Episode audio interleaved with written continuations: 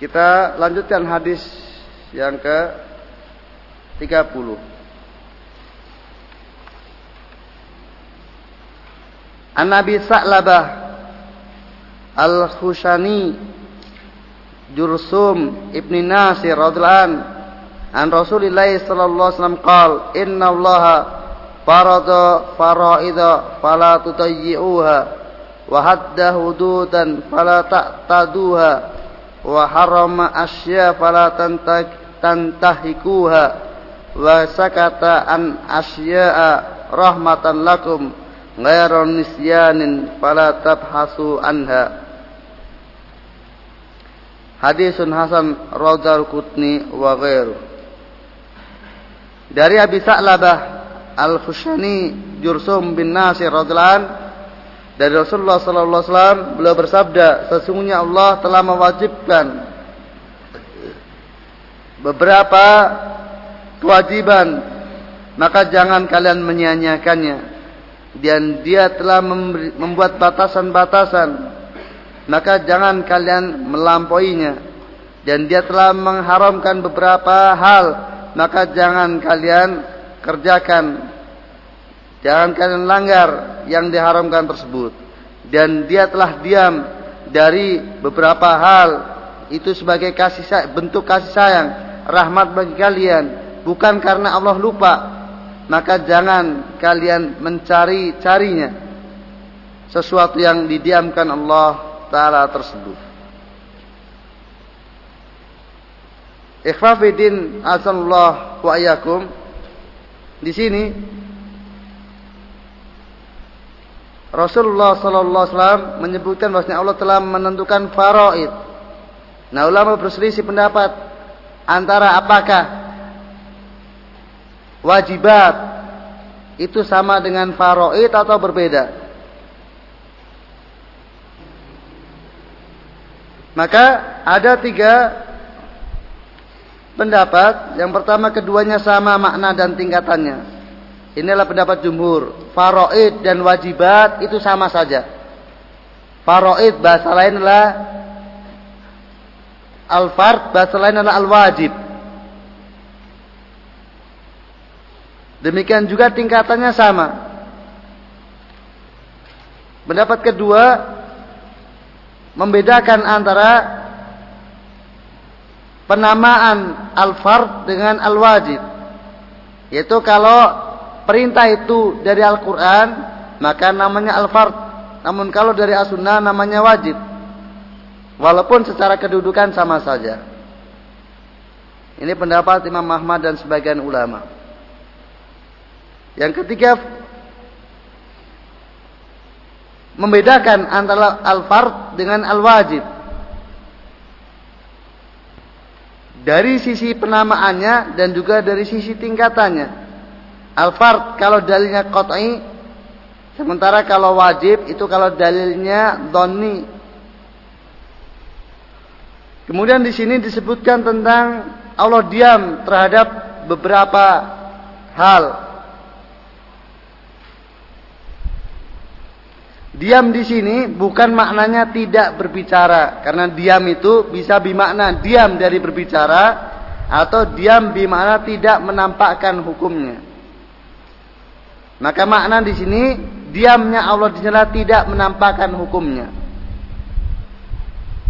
Tidak menampakkan hukum Allah terhadap sesuatu tersebut.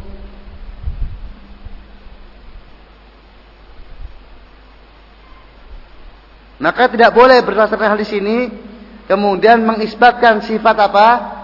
Diam kepada Allah Subhanahu wa taala. Dengan dalil wasakata an asya'a.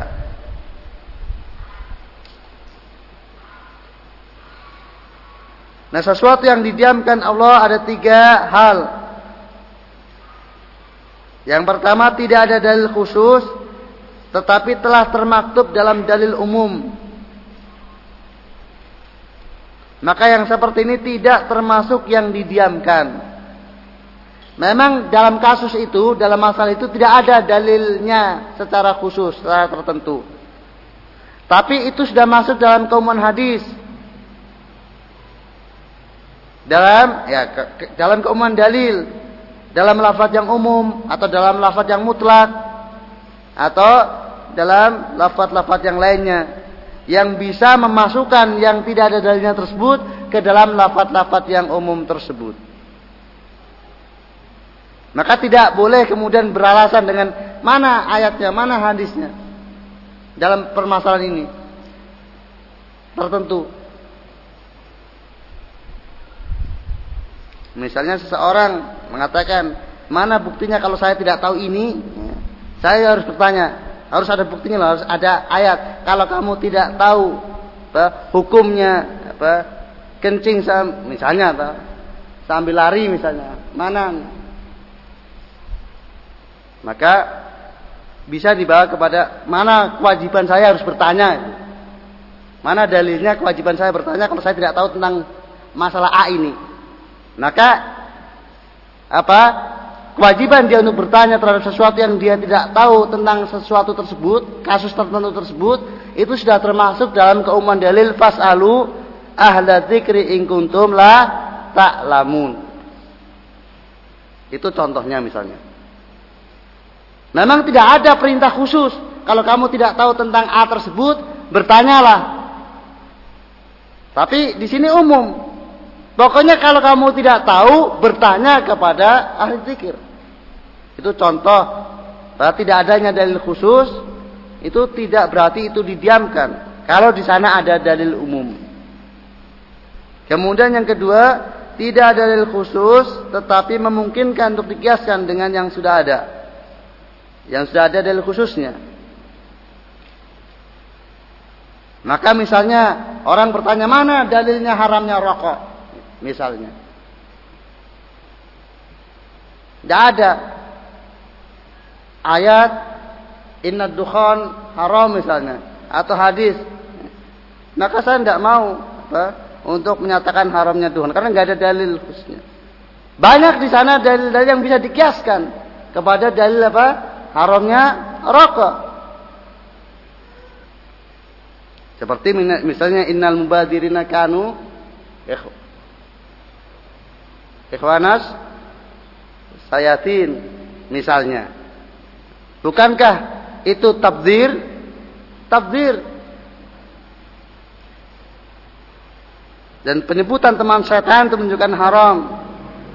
Demikian juga walatulku aidikum ila tahluka dan janganlah kalian menjerumuskan diri kalian kepada kebinasaan. Bukankah itu menjerumuskan kepada binasaan? Atau dikaskan dengan pengharaman khamar atau yang lainnya. Yang jelas tidak ada dalilnya khusus. Tapi kalau kemudian di sana ada yang bisa untuk dikiaskan, maka itu juga tidak termasuk yang didiamkan. Artinya tidak beralasan ini kan tidak ada. Ini termasuk didiamkan Allah, tidak. Kemudian yang ketiga tidak termasuk dalam kedua poin di atas. Jadi memang tidak ada dalil khususnya dan juga tidak ada dalil umumnya dan tidak ada dalil yang bisa dikiaskan kepadanya.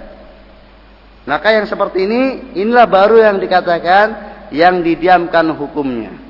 Maka yang seperti ini tetap kita diamkan dan bisa dikorek-korek.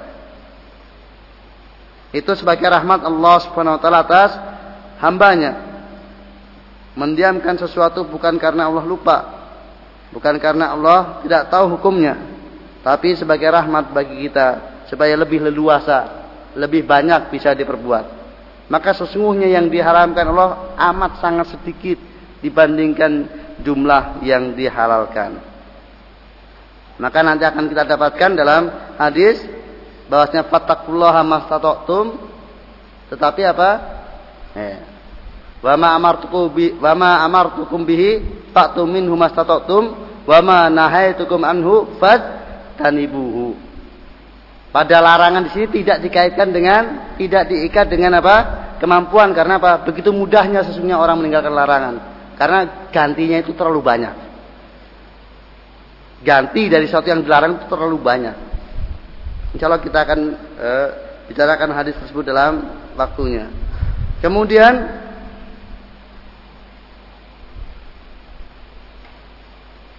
sampai di sini ifah bidin ayakum kita selesaikan hadis, dua hadis saja sebagaimana biasanya dan memang waktunya juga sudah lebih. Mudah-mudahan apa bermanfaat bagi kita semuanya. Dan sekali lagi apa yang kita dapatkan baru sebagian kecil dari apa yang semestinya kita ketahui tentang apa hadis-hadis Nabi Sallallahu Alaihi Wasallam tersebut atau pelajaran-pelajaran yang bisa kita dapatkan ini sebagai isyarat dan sebagai tanbih bahwasanya apa yang disabdakan Nabi Sallallahu Alaihi Wasallam dalam yang terangkum dalam hadis arba'inlah sesuatu yang sangat mendasar yang semestinya kita untuk mendalaminya dan mempelajarinya. Subhanakallahumma wa bihamdika asyhadu an la ilaha asyhadu an la ilaha illa anta astaghfiruka wa atubu ilaik. Assalamualaikum warahmatullahi wabarakatuh.